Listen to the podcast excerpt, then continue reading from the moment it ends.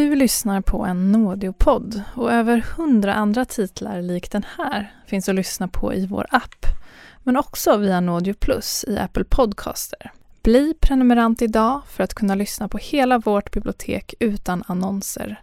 Och följ nå... Hej, Susanne Axel här. När du gör som jag och listar dig på en av Krys vårdcentraler får du en fast läkarkontakt som kan din sjukdomshistoria. Du får träffa erfarna specialister, tillgång till lättakuten och så kan du chatta med vårdpersonalen. Så gör ditt viktigaste val idag, listar dig hos Kry. Telefonen ringer. Det är mörkt ute, fortfarande mitt i natten och Maria svarar sömndrucket. Det är en granne till hennes café som hörs i andra änden. Hon borde ta sig dit, säger grannen. Något har hänt. Genast är Maria klarvaken. Hon slänger sig i bilen och kör den vanliga vägen mot sitt café. Gatorna är nästan helt öde. Väl framme kliver hon ut och blir stående. Alla kaféets stora fönsterrutor är krossade. Maria går som avdomnad genom förödelsen. Då piper det till i mobilen. Ett sms från okänt nummer. Där står bara två ord. En månad. Hon har fått en tidsfrist. Maria står helt stilla och stirrar på orden. Hon vet inte vad hon ska ta sig till. Och så får hon höra om en imam som är väldigt inflytelserik i Malmö som hon tänker har infly eller som kan hjälpa henne eh, med medling eller på något sätt få bort den här skulden, den här påhittade skulden. I hopp om att den här imamen ska kunna hjälpa henne ger sig Maria av till Malmö tillsammans med sin moster. Mostern, som är muslim, har slöja. Och det tänker Maria att det är ju bra i alla fall att det är någon med hijab för då ser hon ju så extra muslimsk ut eh, och religiös ut och då tänker hon ja men det är ju ändå bra för jag ska ju ändå hem till en imam. Och sen så har hon med sig en ring som hon vet är dyrbar för hon tänker att den kan hon lämna i gåva till imamen då för att han ska lite, bli lite mer så här vänligt inställd och kanske vilja hjälpa henne. För hon hoppas att han kanske kan medla med, med utpressarna så att, och få bort skulden. För det är ju det, hon har ju liksom inte pengarna. Liksom. Väl i Malmö står Maria tillsammans med sin moster utanför en bred dörr. Hon är nervös när hon knackar på. En ung man öppnar och hon ber att få tala med imamen. En stund senare dyker en äldre herre med skägg upp. Maria förklarar sin situation och ber om att få hjälp. Imamen ser bekymrad ut och skakar på huvudet. Han kan inget göra. Maria visar upp ringen men imamen säger att han inte kan hjälpa henne. Då kliver mostern fram och talar för Marias sak och till slut går imamen med på att träffa dem igen. Han ber dem komma tillbaka nästa dag. Maria känner en våg av lättnad. Kanske kan situationen lösa sig trots allt. Ett par timmar senare ringer telefonen. Det är en bekant till Maria. Han säger att han har något viktigt att säga och sen säger han att mötet med imamen dagen därpå inte kommer att bli av. Maria får en stor klump i magen. Hon frågar sin bekant vad han menar. Jag vet inte, säger han. Jag har bara fått ett telefonsamtal där en person bett mig hälsa till dig att det inte ska bli något. Han vill inte träffa dig. När Maria lagt på blir hon stående med telefonen i handen. Hon sjunker ihop. Utpressarna är hela tiden steget före och hon är tillbaka på ruta ett.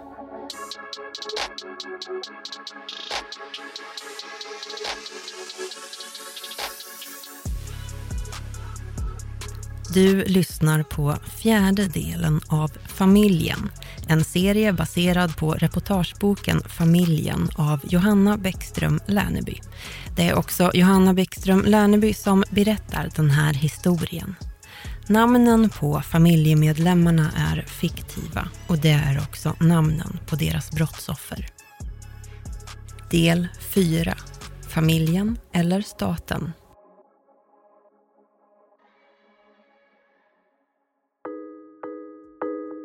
Polisen i Angered har alltså sedan 2017 riktat in sitt arbete särskilt mot familjen Alassim genom den så kallade myndighetsgemensamma insatsen. Det här efter att ha konstaterat att familjen Alassim står för en oproportionerligt stor andel av brotten som begås i Angered. Mellan åren 2015 och 2017 får familjen närmare 200 anmälningar mot sig. Anmälningar som nästan aldrig leder till något eftersom folk inte vågar vittna. Familjen beskrivs av vissa som en maffiafamilj och deras makt i området är stor. Abenizar, familjens överhuvud, har dock aldrig blivit dömd för något brott i Sverige. Han är en högt ansedd imam och tar avstånd från all kriminell verksamhet. Men sen 2017 intensifieras polisens arbete mot familjen som blir allt mer pressad.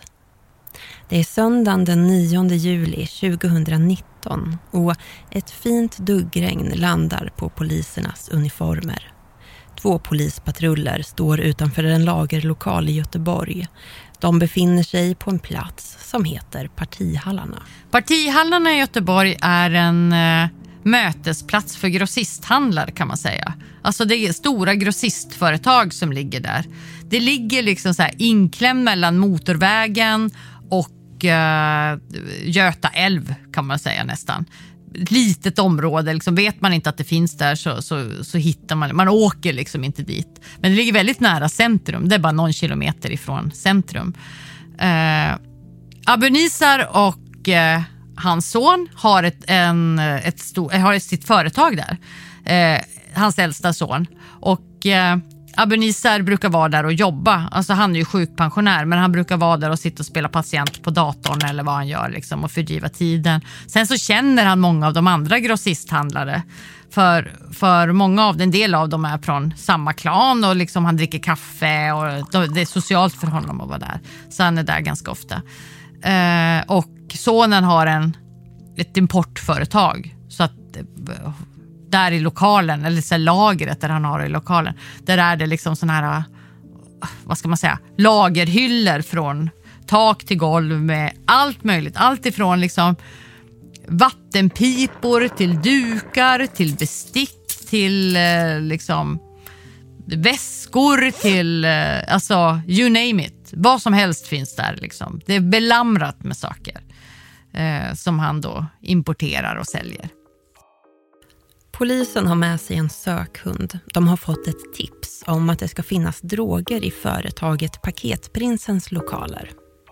Paketprinsen är namnet på Nissar al-Asims importföretag och Nissar är en av Abu Nissars äldre söner.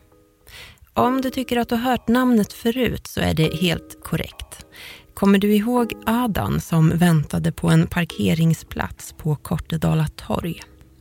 Det var två män som misshandlade honom och som hotade honom till livet den dagen. Och de två männen var Nisar och hans son Samir. Den gången vågade faktiskt Adan och hans vän Osman vittna mot familjen. Men de flesta vågar inte göra det och polisens arbete hindras ständigt av den skräck som familjen sprider omkring sig. Därför är det här tipset om att det ska finnas droger i företaget Paketprinsens lokaler så viktigt. Om polisen kan hitta konkreta bevis på brottslig aktivitet i familjen Alassims lokaler så är de inte beroende av vittnesmål och med tillräckligt stark bevisning kan tillslaget leda till en fällande dom. Dörren till lokalen är låst och ingen är på plats, vilket polisen räknat med när de valt att komma en tidig söndagsmorgon. Poliserna tar sig in med hjälp av en låssmed och påbörjar arbetet med att söka igenom lokalen. Men de hittar ingenting. Hunden markerar inte en enda gång. I anslutning till den stora lokalen finns en mindre.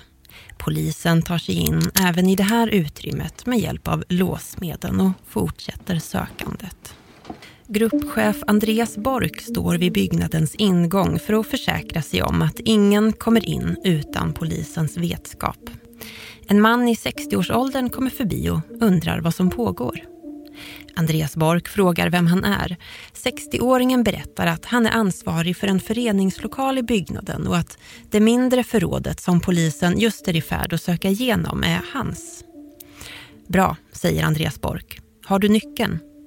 Det har inte mannen. Han har nämligen sedan ett par månader tillbaka hyrt ut lokalen till Abu Nissars son Nissar. Alltså Nissar som äger Paketprinsen. 60-åringen pekar på den större lokalen som hör till Paketprinsen för att förtydliga vem han menar. När polisen frågar en extra gång om nyckeln säger han att han inte har någon och att Nissar, så fort han hyrde den mindre lokalen i april, bytte ut låset.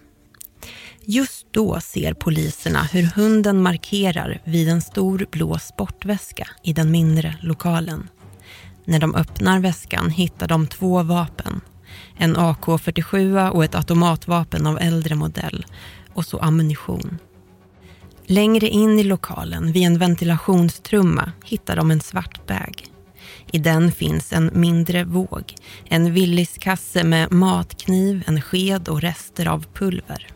Där finns också en genomskinlig påse med lite papper och pulver. Båda väskorna tas i beslag. Ingen i familjen Alassim vet ännu vad som sker i deras lokaler. Abonissar ligger hemma och sover. Telefonen ringer. Det är den 60-åriga mannen som talat med polisen vid partihallarna som försöker få tag på honom. Men Abonissar sover djupt och hör inte att det ringer. Så till slut blir hans fru så irriterad så hon bara, men alltså kan du vakna, du har telefon. Och då får han reda på att polisen är i partihallarna och gör en razzia i hans sons lokal där han brukar vara och jobba. Och Abunisa, fort på med kläderna, eh, ta nyckeln till bilen, in bilen i garaget och så tar han bilen och så kör han till partihallarna. För han tänker att det här måste jag ju liksom lösa. Vad är det, så, vad är det frågan om? Liksom? Han har ingen aning om varför polisen är där. Så att han åker dit för att, att kolla vad är det som händer i våra lokaler. Han kommer dit och så pratar han med polisen och frågar exakt vad det är som har hänt och eh, vad de gör. Polisen undrar om Abenissar har nyckel till lokalen. Det har han och han överlämnar genast nyckelknippan så berättar polisen att de hittat vapen i lokalen och att Abu Nissar är misstänkt för grovt vapenbrott. Och sen så dröjer det inte länge förrän polisen griper honom. Och de sätter honom i polisbilen. Att familjen Al-Asims överhuvud grips är sensationellt. Släkt runt om i hela Europa undrar vad det är som pågår. Abu Nisar som är en erkänd imam, en respekterad man och som aldrig dömts för något brott under de 36 år som han bott i Sverige. Det här är inte bra för Abu Nisars rykte. Polisen själva menar att det är en oerhörd markering från deras sida att gripa familjens överhuvud på det här sättet. Under häktningsförhören säger Abu Nisar att han är oskyldig. Han vet inget om några vapen och han vet inget om den mindre lokalen. Enligt honom är det bara den stora lokalen som hör till paketprinsen. Situationen är spänd. Häktningsförhandlingen hålls i tingsrättens säkerhetssal och säkerhetspådraget är stort. Ett tiotal poliser står innanför entrén till domstolen och fem poliser sitter med inne i förhandlingen. Åklagaren vill få Abunisar dömd för grovt vapenbrott.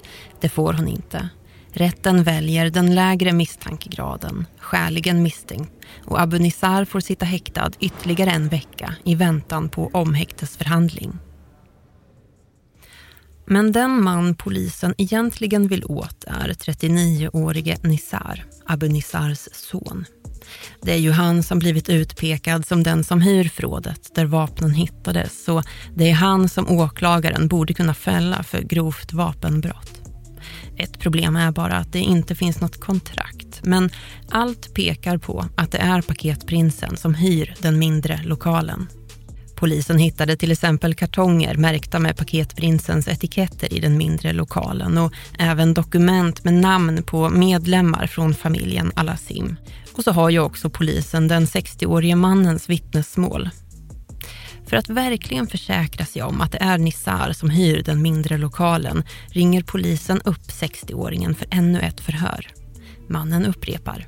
Det är Nissar som hyr lokalen där polisen hittat vapen. Under tiden sitter Abu Nissar kvar i häktet med fulla restriktioner. Hans son Nisar al-Asim, ägare till och VD för Paketprinsen, häktas i sin frånvaro och efterlyses.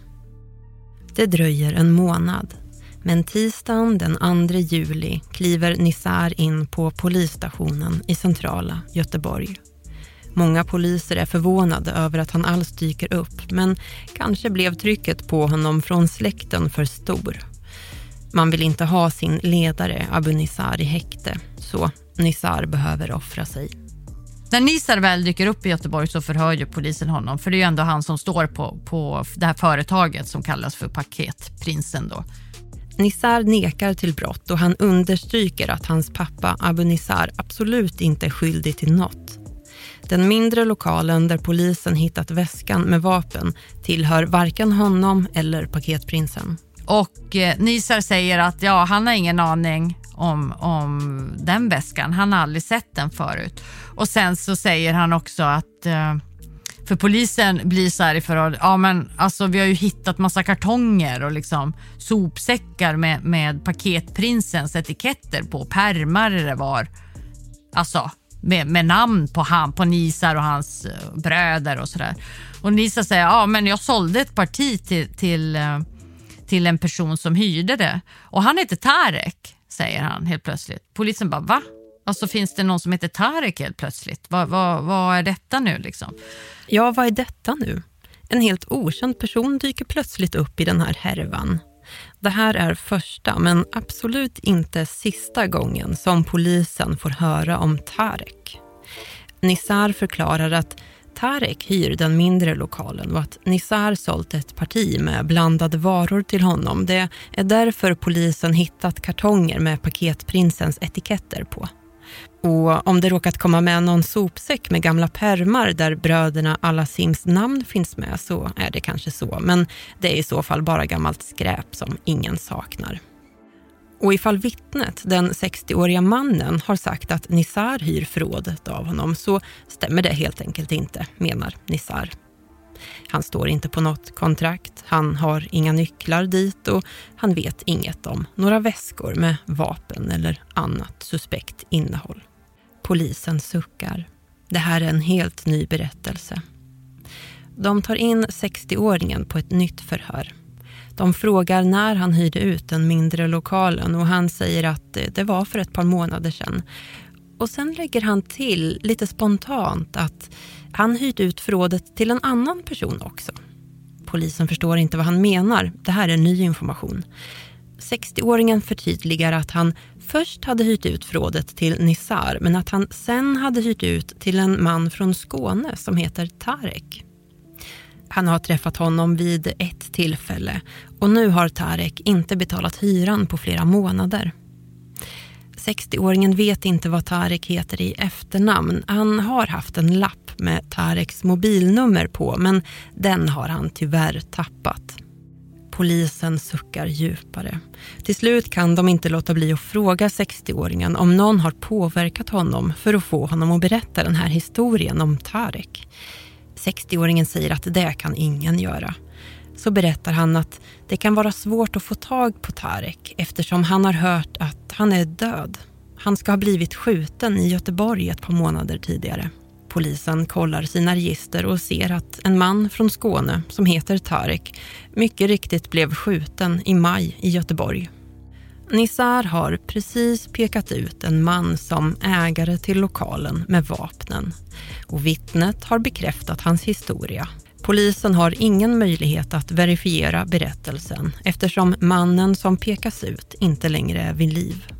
Och det slutar inte här. Nissars motoffensiv mot polisen har bara börjat.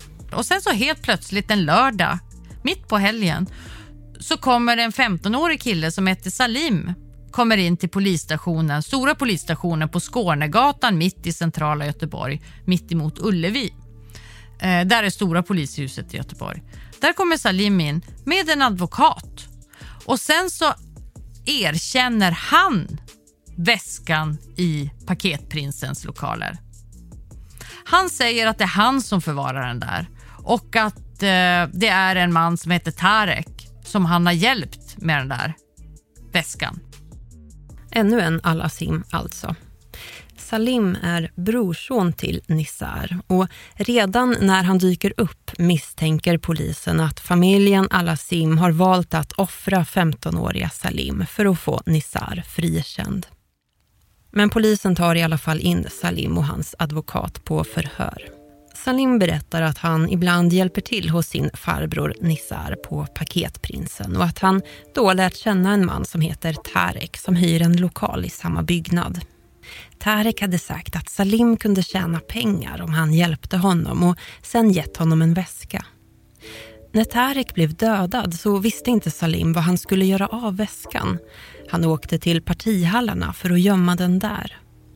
Väl på plats hade han sett att det var vapen i väskan och blivit väldigt rädd. Han hade gömt väskan och inte berättat för någon om den. Varken polisen eller åklagaren tror det minsta på Salims berättelse.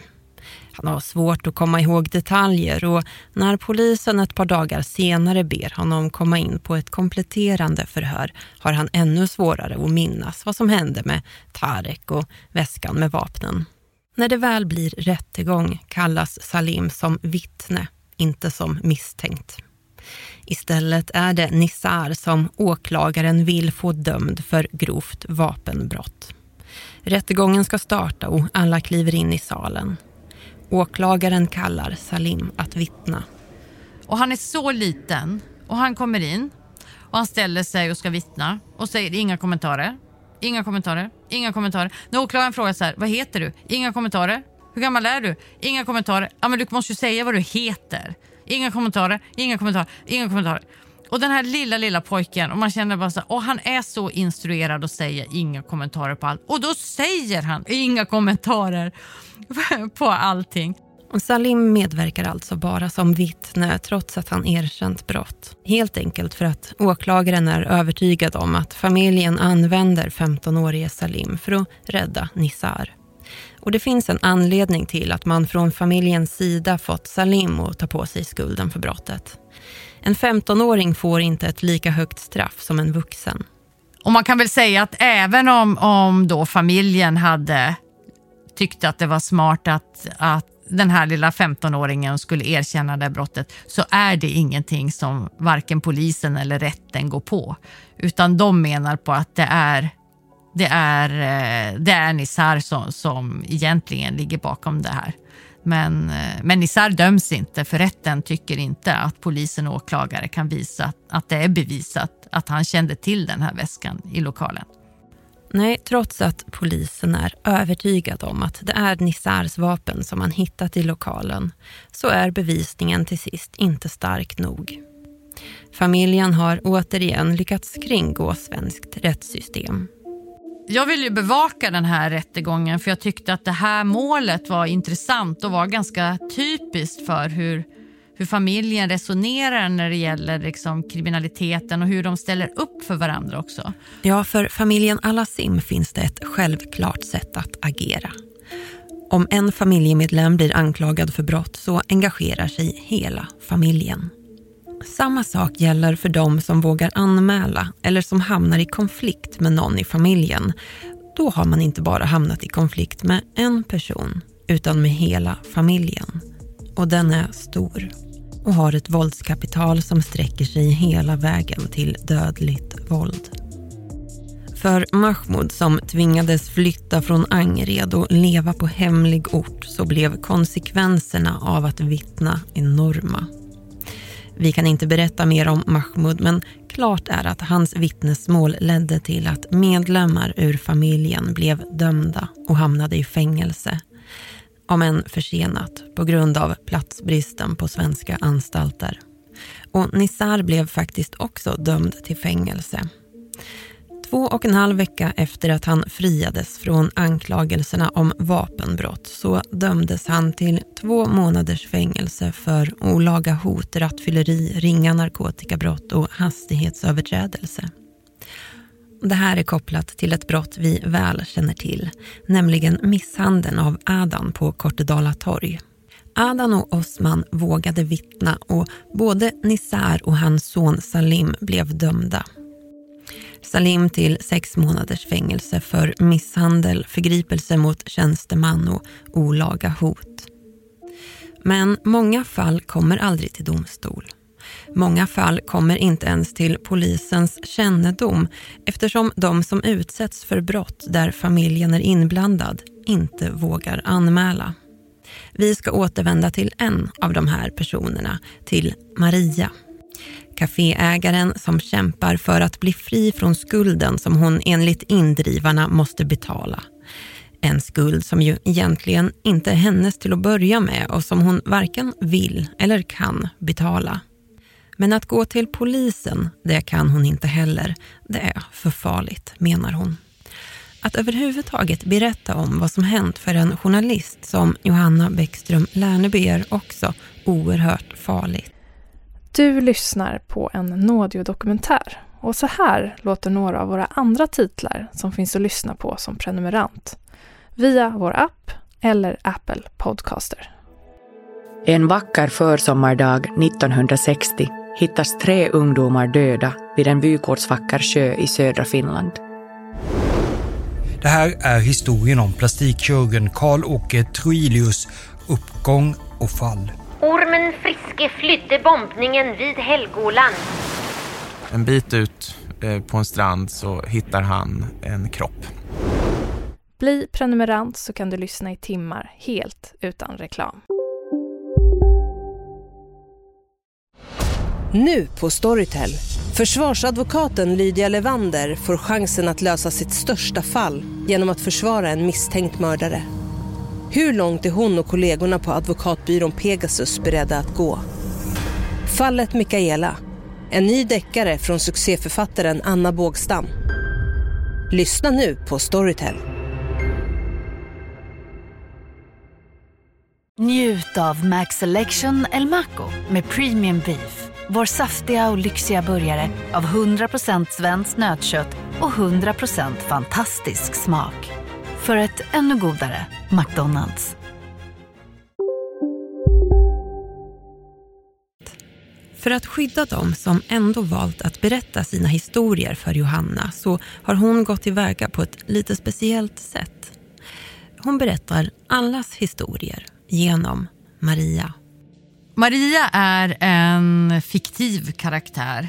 Hon, Maria är inte en person, utan Maria är flera olika företagare som jag har intervjuat under årets lopp. En del har jag träffat på, en del har jag intervjuat och en del har jag hört om. Eh, och så har jag skapat Maria av dem. Så det finns en mängd olika företagare som jag har gjort till Maria. Berättelsen om Maria är alltså tyvärr inte särskilt ovanlig. För Johanna Bäckström Lärneby är det viktigt att de som utsätts får sin historia hörd. Att skapa karaktären Maria är ett sätt att låta alla få komma till tals utan att någon enskild företagare ska kunna bli identifierad. Maria är på väg tillbaka till Göteborg efter det misslyckade försöket med imamen i Malmö. På vägen hem får hon ett meddelande. Någon har skjutit mot kaféet. Så istället för att köra hem tar hon sig raka vägen till sitt kafé. Polisen är redan där när hon kommer. Hon vet inte vem som ringt dem. I dörren ser hon fyra skotthål. Tre av skotten har gått genom en innervägg och fortsatt in i köket. Ett har krossat glaset på en tavla. Johanna undrar över hur polisen ser på fall som Marias. Hur tänker de om det? Hon frågar en polis som heter Marcus Ekvall och som jobbar i Angered. Han har arbetat många år i området och enligt honom känner polisen till vad som händer med företagare. Hur de blir utpressade och hur oerhört svår situationen är för dem. Alltså de, de gör det, för de poliser får ju också höra rykten liksom, och se, veta att det är sant och att det förekommer i ganska stor utsträckning. Man sa också svårigheten därför att det är nästan alltid ord som står mot ord.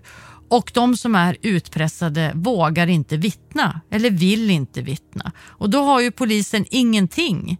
Då får de ju inte tag i några bevis eller, eller ett, något vittnesmål eller någonting. Vilket gör att, att eh, de allra flesta utpressningar klaras ju aldrig upp. Och han säger ju att det värsta man kan göra det är ju att man börjar betala för då mjölkas man på pengar hela tiden, mer och mer och mer och mer. Men han förstår ju samtidigt att folk gör det och att folk är desperata och att man är rädd liksom och, inte, och inte vågar. Johanna undrar varför polisen inte bara kan iscensätta en överföring av en summa pengar så som Sasha, Marias ryska livvakt, tycker att de borde göra. Då sa han, för det första så skulle det vara bevisprovokation och det är förbjudet i svensk lag, så får man inte göra. Eh, och för det andra så handlar det också om säkerhet. För han sa det att det är ju, vad händer om det upptäcks? Alltså målsäganden, ska man ha då en, en tvåbarnsmamma som står där med någon påse pengar i något skogsbryn och lämnar över till våldsverkare som, vill, som, mördare, som är mördare kanske. Han säger att där, är det ju, där blir det ju också fara för för privatpersoners liv. Och man kan ju inte spela med människoliv på det sättet, sa han. Alltså, det kan aldrig polisen göra. För det blir liksom för farligt och den risken kan man inte ta. Så att det blir liksom, det är inte lätt. Det är inte svartvitt det här, utan det, det är verkligen inte lätt. Samtidigt som han naturligtvis önskar att, att eh, fler ska berätta och säger att det, det i de allra, allra flesta fall så är det liksom hot och de vet ju att det räcker att skrämmas. Men jag menar, det kanske inte alla vet. Och jag menar, vem vill chansa? Nej, vem vill chansa? Maria vill i alla fall inte det. Hon säljer sitt älskade café och snart har hon också sålt sitt lilla blå hus som hon trodde skulle vara det hus som hon skulle bli gammal i. Maria får skyddade personuppgifter hon startar upp en kaféverksamhet i en ny stad och hon känner att det kommer bli bra. Men hon säger till Johanna att det är orättvist. Varför ska hon tvingas flytta? Hon har hört att utpressarna i Göteborg har frågat efter henne. Hon har kvar sin pistol och varje gång hon kör i en rondell kör hon två varv för att försäkra sig om att hon inte blir förföljd. Hon tror inte att hon någonsin kommer sluta med det. Maria flyttar alltså och familjen bor kvar. Men de har sina egna bekymmer. Myndighetssamverkan fortgår och familjen märker av det på alla fronter. Och det finns en fråga som verkligen upprör familjen Alassim. Det handlar om Ahmad, Amina och Hakims son som vi hört om lite tidigare i serien. Familjen är ju otroligt illa berörda när det gäller tvångsomhändertagandet av, av eh, den här femåriga pojken. Det är november 2019 och någonting är på gång i Angereds centrum. Allt fler människor samlas. De har skyltar och plakat. Det är familjen Alassim som håller i en demonstration. Och det gör de utanför ett nämndmöte i Angereds centrum.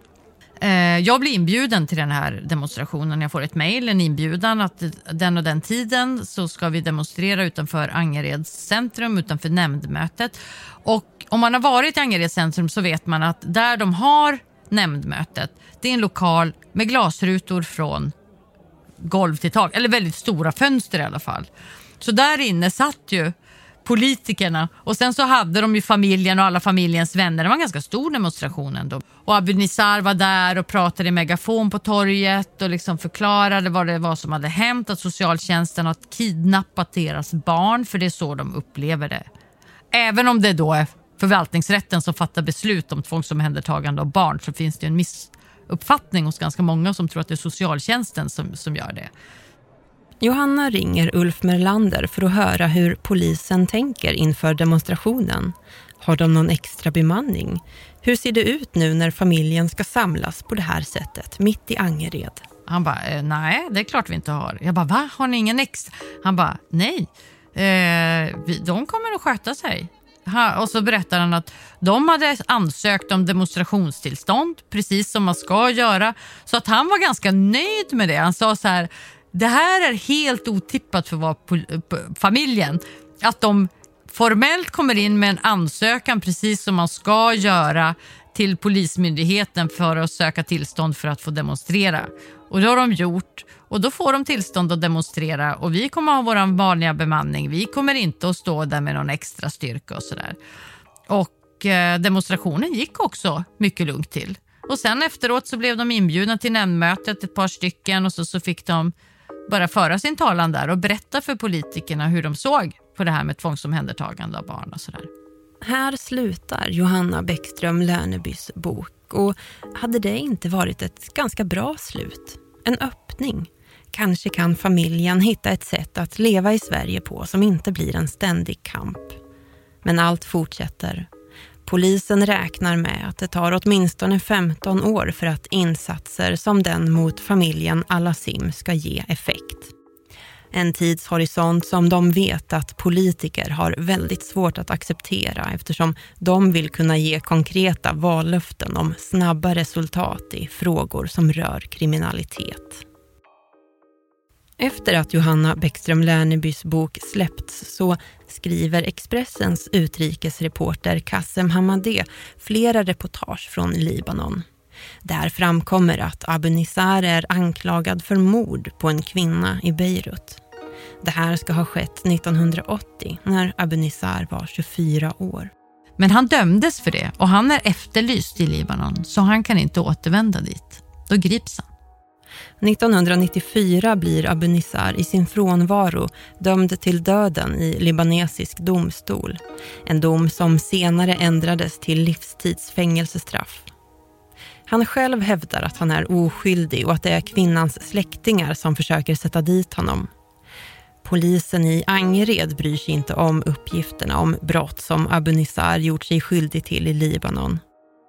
Vi måste jobba med färskt material, säger Ulf Melander när Johanna Bäckström Lerneby frågar om de nya uppgifterna. Och polisen har inte brist på färskt material. Sommaren 2020 blir orolig i Göteborg. Mitt i pandemin blommar en konflikt upp som verkar kunna sluta i ett regelrätt gängkrig.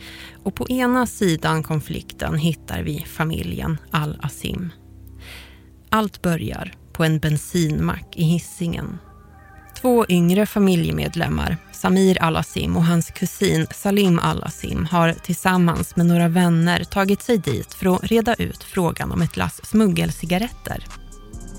En bil kör förbi och plötsligt hörs höga smällar. Någon öppnar eld mot macken och mot Alasim. Redan dagen efter kan polisen med hjälp av övervakningsfilmer få fast en 18-åring och en 17-åring. Två killar som tillhör ett gäng som heter Backa-gänget som håller till i stadsdelen Backa på Hisingen mest. Familjen Alasim är kränkta. De kräver en stor summa pengar av Backa-gänget som kompensation. Backa-gänget vägrar. Inte en krona ska betalas ut. Men de vill heller inte att konflikten ska eskalera. Det är dåligt för deras ljusskygga affärer. Familjen Alasim väntar en vecka. Sen kommer hämnden.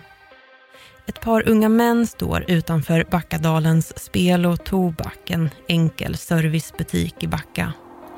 Plötsligt dyker en vit skåpbil upp.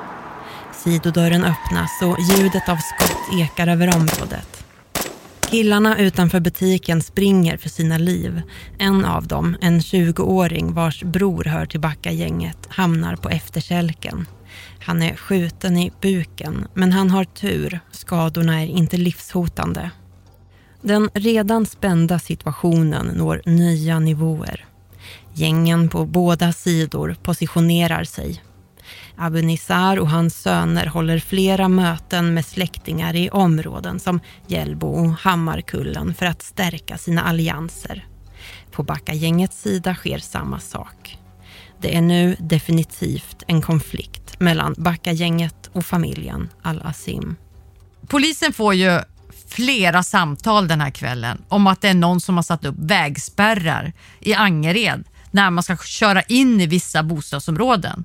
I den här sista, senaste konflikten ska vi säga då som eh, startade någon gång i mitten på augusti här då så har vi förstått att det är väldigt het temperatur. Mm. Och eh, eh, där har vi då sett att man håller koll på sitt område ja. som man tycker. Det här är våra kvarter. Erik Nord, polischef i Göteborg, kommenterar situationen och Aftonbladet rapporterar så har man upprättat eh, kontrollplatser in i områden mm. där det är personer som stoppar bilar och det finns uppgifter om att man lyser in i bilarna och tittar vad det är där i.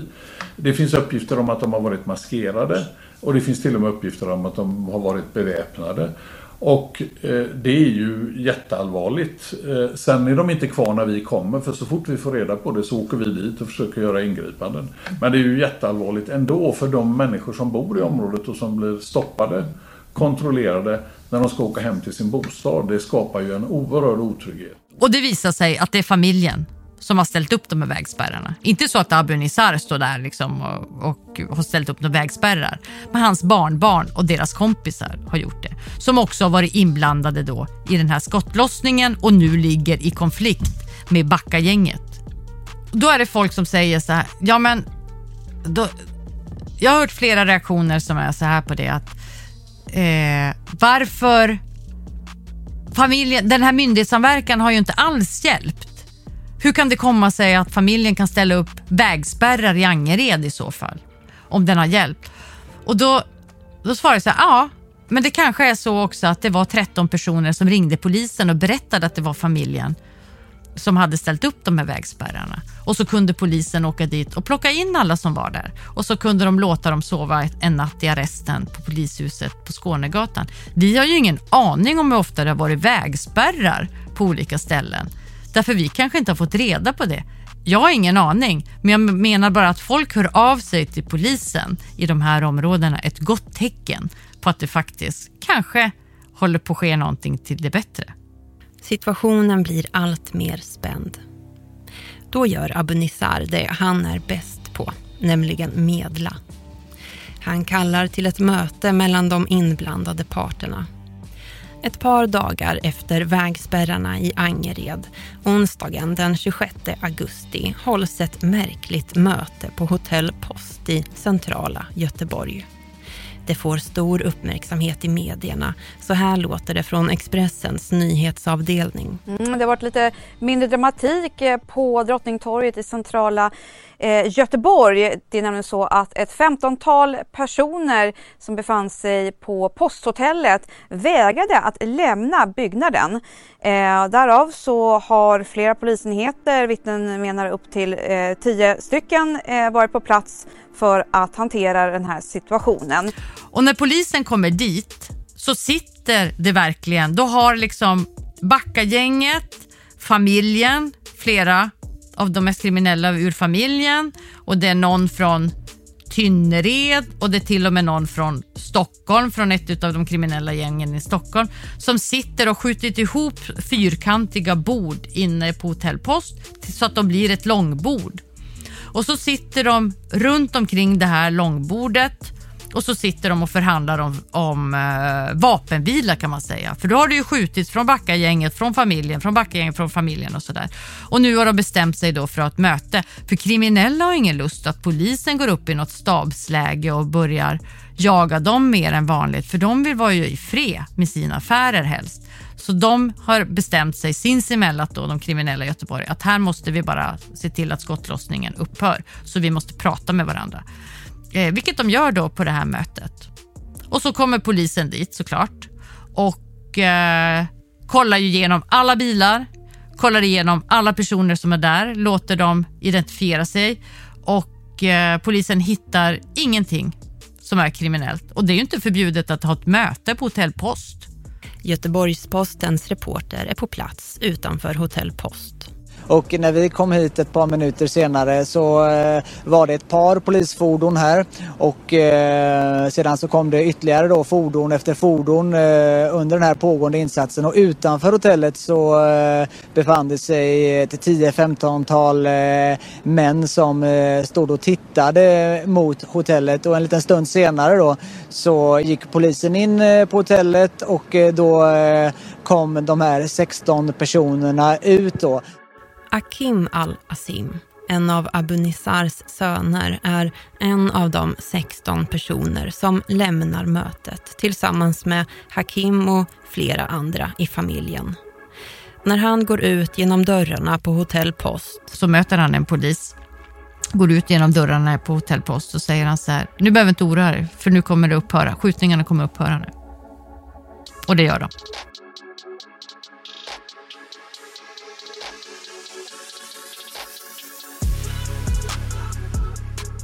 Du har hört fjärde och sista delen av Familjen. En dokumentär baserad på Johanna Bäckström Lernebys bok Familjen. Producent är jag, Frida Anund. Exekutiv producent Tove Friman Leffler.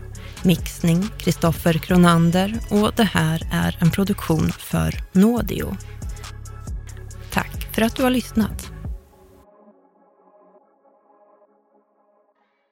Tack för att du lyssnat. Följ gärna Nådio Docs och glöm inte att mängder av dokumentärer väntar på dig i Nådios app eller via Nådio Plus i Apple Podcaster. Bli prenumerant så kan du lyssna i timmar helt utan